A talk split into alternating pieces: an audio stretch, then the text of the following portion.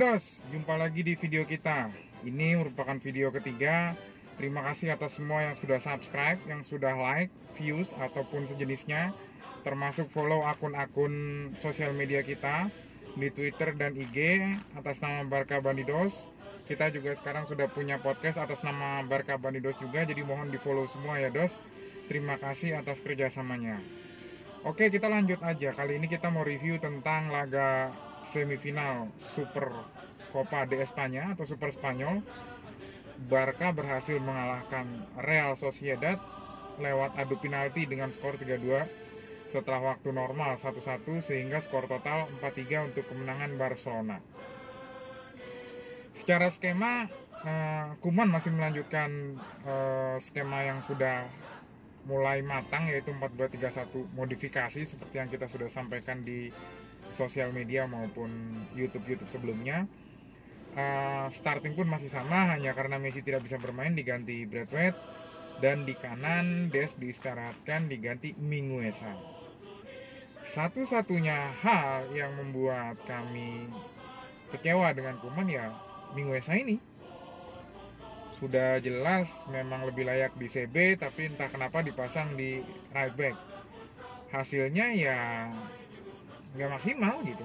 Tidak bisa berjalan seperti layaknya wingback yang mampu naik turun terus supply bola kecepatan speednya bagus ya. Jadi kalau Minggu Esa main jelek sih kami nggak bisa terlalu banyak komplain ya. Ya karena memang dia tidak di posisi aslinya. Selebihnya sih cukup oke okay lah penempatan-penempatan pemainnya termasuk pergantian pemainnya juga cukup oke okay, gitu bright light nggak terlalu banyak dipasang di samping jadi masih cukup oke okay lah kalau di tengah ya. Apa yang mau diekspektasi dengan pemain kayak gitu ya emang itu adanya gitu. Jadi kalian nggak usah ekspektasi tinggi-tinggi. Ada pemain yang bisa melengkapi dengan posisi yang sesuai aja itu udah bagus gitu. Mengingat kita sekarang memang kekurangan penyerang tengah ya atau true nine. 20 menit sampai 25 menit pertama sih sebenarnya nggak banget gitu. Malas. Kayak masakan kurang garam lah atau kurang bumbu gitu kayak ada yang nggak lepas gitu dari Barcelona. Tapi setelah itu Barcelona pelan-pelan cukup oke menemukan uh, pola permainannya dan ya akhirnya bisa unggul duluan melalui gol Frankie De Jong yang ya bagus sih ya kalau menurut gue sundulannya. Umpannya juga dari Griezmann. Uh, gue happy gitu ngeliat Griezmann mulai konsisten ada gol atau ada assist. Tapi untuk penampilan dia di match ini nanti dibahas di belakang aja ya. Jadi setelah kita bahas tentang skema secara keseluruhan baru kita bahas beberapa pemain yang menurut gue menarik untuk dibahas. Secara keseluruhan babak pertama setelah menit ke-25 dan babak kedua perpanjangan waktu sih sebenarnya tidak ada masalah yang berarti gitu buat Barcelona. Iya, mereka bermain sesuai dengan kapasitas mereka musim ini cukup oke okay, tapi belum yang sampai wah banget. Masih dengan 4-2-3-1 dengan De Jong agak didorong ke depan, kadang berubah 4-3-3 Griezmann juga uh, kadang bertukar peran dengan Braithwaite gitu. Dan cukup banyak Griezmann main di samping jadi ya masih oke okay lah tidak ada yang yang secara uh, skema itu salah posisi atau saling mengganggu gitu nggak ada. Jadi semua jalan pada tempatnya dan ya oke okay lah tidak ada hal-hal yang layak dikritik untuk oh, skemanya salah dengan sini salah. Nggak ada kalau menurut aku. Terlepas penalti ya setiap penalti selalu bisa diperdebatkan tapi berhubung kita lolos nggak usah kita bahas like penalti yang penting kan kita lolos ya udah nggak peduli lagi lah misalnya mau uh, itu penalti atau enggak pokoknya kita udah lolos. Artinya ada nggak ada penalti itu ya kita lolos ke final.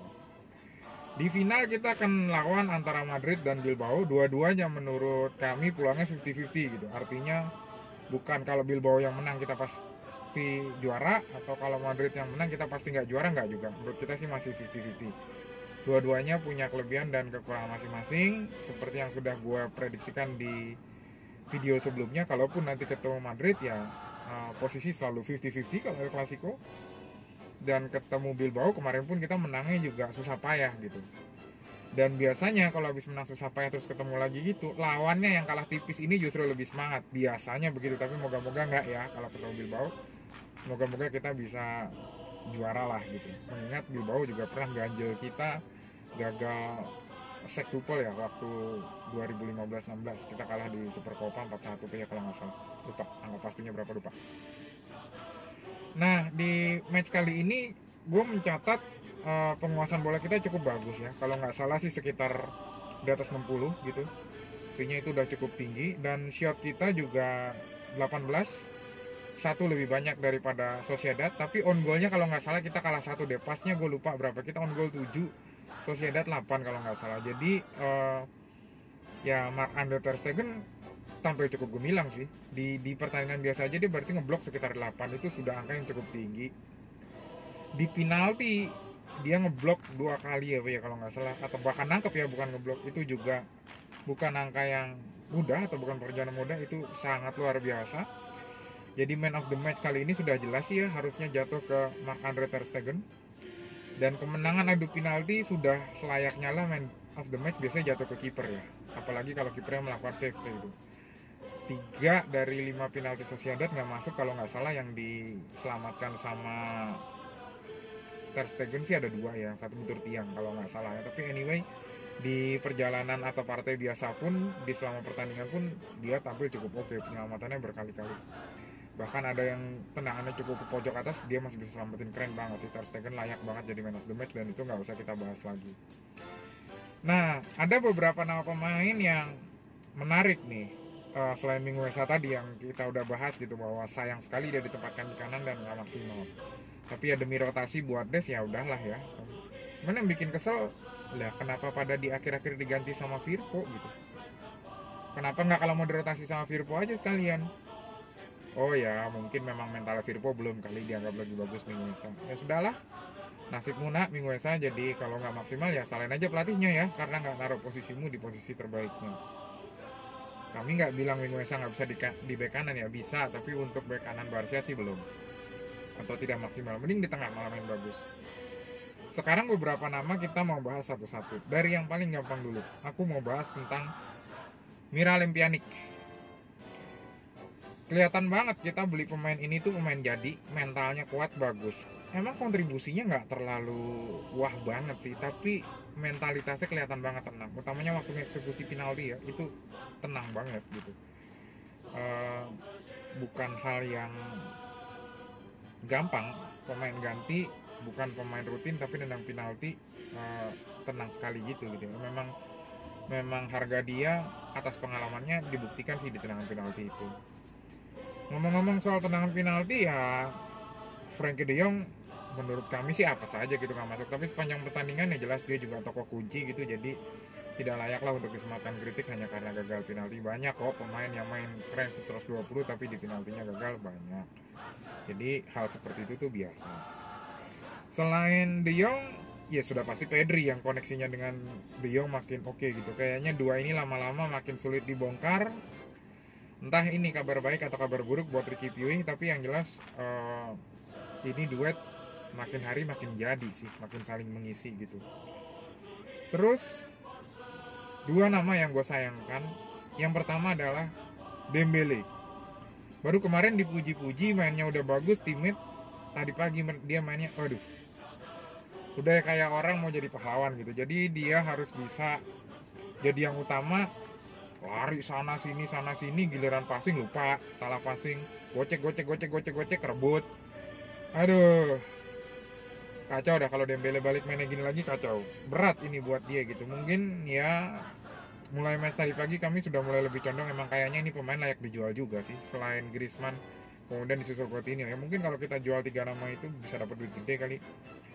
Ya kalau saat ini memang uh, kami sih masih mengasukkan Griezmann dalam daftar jual ya karena mungkin kalau kita jual Griezmann, Coutinho dan Dembele masih bisa dapat nama pemain kali yang bisa squad ini jadi lebih segar beruntung aja Dembele permainan nggak jelasnya itu selama 120 menit ketutup dengan penaltinya masuk. Kebalikan sama Griezmann. Kami udah happy sebenarnya lihat sampai 120 menit bisa dibilang Griezmann on position terus dua peluang bersih nggak gol jadi memang nggak hoki aja itu pemain gitu udah siap memuji-muji nih cuma ya Apos nggak bikin gol. Tapi paling nggak dia bikin satu assist artinya sumbangsinya buat tim jelas nyata. Tapi yang bener-bener kami udah tahan mau siap-siap puji lagi kayak match kemarin penalti nggak masuk. Tendangan tinggi mungkin udah nyampe bulan kali sekarang. 120 juta tendangan penalti nggak masuk. Kalau nggak salah terakhir kemarin tendangan penalti nggak masuk juga kan sekarang nggak masuk lagi. Aduh. 120 juta main penalti nggak masuk yang bikin makin menjengkelkan lagi dalam posisi kita tinggal butuh satu gol dan juara. Sorry dan lolos ke final gitu. Eh malah tendangannya ngelambung ke bulan aduh Griezmann Griezmann.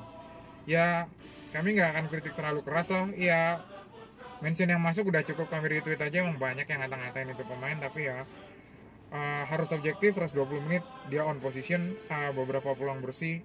Nggak hoki aja sih kalau menurut kami gitu bukan kayak kemarin-kemarin yang tendangannya ke arah gawang lah yang tendangannya ke arah kiper lah yang tendangannya depan 2 meter melambung lah nggak kayak gitu. On point semua tendangannya ke gawang. Ya emang belum rezeki aja buat cetak gol. Jadi kalau ngomong 120 menit Griezmann ya cukup oke okay lah. Uh, tidak bisa dikritik. Uh, dipuji juga nggak bisa berlebihan. Cuman ya gara-gara penaltinya nggak masuk harusnya jadi penentu malah jadi bahan tertawaan kan kalau kayak gitu Mark Andre Ter Stegen. Sudah seperti disebutkan di depan nggak usah kita bahas terlalu berlebihan lagi. Ya dia hero nya partai ini dia yang nganterin kita lolos dengan penyelamatan serta blocking blockingnya ya gitulah kira-kira uh, layak banget jadi man of the match. Dan nama terakhir yang gue mau bahas adalah pasti kalian sudah tahu dan mungkin beberapa dari kalian tunggu. Ricky Piwi bagi kami pribadi kalau dibandingin dengan match sebelumnya sih nggak tahu ya. Kami sih ngerasa dia lebih bagus di match sebelumnya. Yang dia masuk dari menit 70 tuh. Itu sih lebih kelihatan gitu pergerakannya. Nggak tahu mungkin karena uh, kondisinya kan nggak sama ya. Waktu itu dia masuk udah unggul ini masuk skor masih imbang. Artinya kehati-hatian tim Barcelona juga masih tinggi gitu. Jadi mungkin dia nggak bisa maksimal juga kan kalau timnya teman-temannya mainnya hati-hati gitu ya. Dia nggak bisa maksimal lah selaku playmaker tapi umpan-umpannya emang Yahut sih determinasinya yang nggak hilang lah. Masih luar biasa speednya ke mana-mana ya keren lah. Nah yang jadi masalah di Ricky Piwik ini kalau kami lihat bukan Ricky Piwiknya sih ya. Pertama nggak tahu kenapa Kuman nggak percaya sama dia itu nggak tahu kenapa. Yang kedua kalau dia sama Pedri begini terus mau ditaruh mana Ricky Piwiknya pasti kalian semua lama-lama mulai berpikir kalau De Jong ditaruh di DM sayang kan di pertandingan kami nge-tweet itu Diong beberapa kali cover posisinya Minguesa back kanan. Kami mau marah-marah Minguesa. Ya nggak bisa orang dia aslinya center back bukan back kanan. Ya kalau dia salah di cover De Jong ya De Jong yang harus dipuji. Baru dipuji bagus jadi DM bagus bantu bertahan bikin gol loh. Gila sih De Jong itu bertahan bagus di tengah bagus nyerang bagus mental solid bagus bagus itu bagus banget main makin cocok sama Pedri. Pertanyaannya Puig mau ditaruh di mana sekarang? Even Puig main bagus pun karena menit dia kurang ya secara alam bawah sadar kita pasti akan kalau ditanya dua terbaiknya ya Pedri sama De Jong sih dengan Busquets di DM pengen sih sebenarnya nyoba Piwik sama Pedri DM-nya De Jong tapi nanti pasti akan ada yang ngomong sayang De Jong bagus nyerang. Opini itu nggak salah juga karena kenyataannya emang begitu sih De Jong bagus gitu nyerangnya. Jadi sayang banget uh, Piwik ini gitu bagus tapi ya posisinya udah kadung ada dua orang yang nyetel gitu. Tapi satu hal yang salut entah bener atau enggak Kuman hanya menetapkan empat penendang dan dia ngajuin diri buat jadi penendang kelima. Dengan PD-nya dengan santainya dia berhasil nyeposin bola sih. Itu mentalnya Piwi luar biasa banget. Dengan dia minta ke Kuman itu artinya dia emang nantang banget ke Kuman buat ngebuktiin dia. Dan buat kami sih dia semalam kalau cuma untuk ngebuktiin mentalitas berhasil ya. Secara permainan tidak sewah biasanya tapi kenapa nggak wah? Karena kondisinya juga nggak sama. Jelas beda orang masuk extra time itu pasti hati-hati.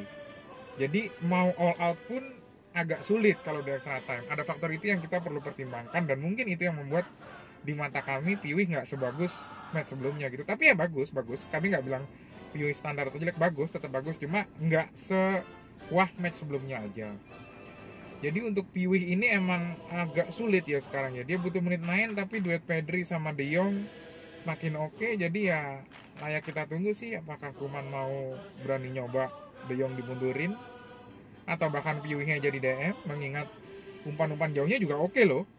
Piwih itu umpan-umpan pendek sama umpan jauhnya oke. Okay. Jadi daya di DM sih bisa cuman dengan tinggi segitu dan apakah punya kemampuan tackling yang bagus nah itu belum belum kelihatan sih. Terus uh, gimana dos? Ada nggak solusi Piwi De Jong sama Pedri bisa main? Solusi pertama jelas uh, De Jongnya jadi DM uh, dua gelandang nyerangnya di si Pedri dan Piui tapi itu kayaknya kecil kemungkinan karena kalian semua pasti pada udah kadung seneng ngeliat De Jong uh, makin ke depan gitu. Mungkin mungkin di mata kami bisa dicoba Piui ditaruh di sayap kiri deh. Kayaknya Piui itu uh, ada kemungkinan cukup bagus di posisi sayap kiri karena dia punya determinasi atau kalau perlu kalau ngeliat Dembele mainnya kayak kemarin ganti aja Dembele sama Piui coba aja Piui main di kanan. Daripada Trincao ya kami udah kasih statement Trincao semusim ini mungkin sejelek apa pun kami nggak kritik gitu. Tapi lihat besok atau musim berikutnya kalau masih Barcelona habis itu pemain sama kami kalau gaya mainnya masih kayak gitu. Kalau ada yang bilang dia nggak punya basic pemain bola ada bener sih kalau di match tadi. Cuman nggak lah kami belum kritik. Dia baru baru musim ini jadi masih bisa terjadi perubahan ya tergantung pelatih juga. Balik lagi ke Piwik ini ini pemain serba serba sulit sekarang. Permata yang kita sama-sama akui tapi posisinya udah keisi Pedri sama De Jong. Jadi mungkin solusi bisa dicoba ditaruh. Kalau Ansu Fati belum ada taruh di sayap kanan buat gantiin Dembele. Kalau Ansu Fati udah ada uh, bisa tetap taruh di kanan atau taruh di kiri tapi Ansu Fati-nya jadi false nine Messi di kanan lagi. Jadi di kiri ada Piwi Ansu Fati jadi false nine Messi di kanan lagi. Kalau main 4-3-3 kayak sekarang Messi di tengah maupun di kanan sama oke-nya kayaknya. Jadi dua-duanya bisa bisa dimanfaatkan lah. Ya kita sama-sama tahu Griezmann juga menaik jadi mungkin uh, juga bisa rebutan dulu sama Griezmann posisinya kalau di situ ya. Kalau Dembele udah ya kami lebih condong 75% coret sih kalau gaya mainnya kayak tadi kelihatan banget mungkin karena nggak ada Messi kali ya jadi dia nggak ada sungkan-sungkannya bawa bola sana sini umpan kacau. Cuman menang determinasi doang gitu lari sama bawa bola nusuk ke pertahanan lawan. Tapi begitu sampai waktunya mendeliver bola itu tembak atau passing kelihatan kebingungan. Timingnya kacau kacau banget timingnya. Walaupun dribbling sama uh, determinasinya sih oke. Okay. jadi kalau dari kami itu aja sih mungkin yang bisa direview ya secara permain satu secara permainan ya masih sama kayak kemarinnya relatif stabil. Match main keren banget uh, Piwik uh, bingung gitu ya bisa bikin bingung sekarang nih pemain bagus tapi tempatnya nggak ada karena Pedri De Jong makin oke. Okay. Dembele kalau cara main kayak gini jual aja udah nggak ada gunanya. Itu kalau main masih egois kayak gitu nggak jelas timingnya kurang. Griezmann 120 menit bagus tapi ya gara-gara penaltinya nggak masuk nggak jadi bisa dibilang bagus. Mungkin itu aja lah dari kami. Uh, jangan lupa dos subscribe like dan share video kami. Uh, thank you buat perhatiannya ya Abrana son los culos, humo, humo,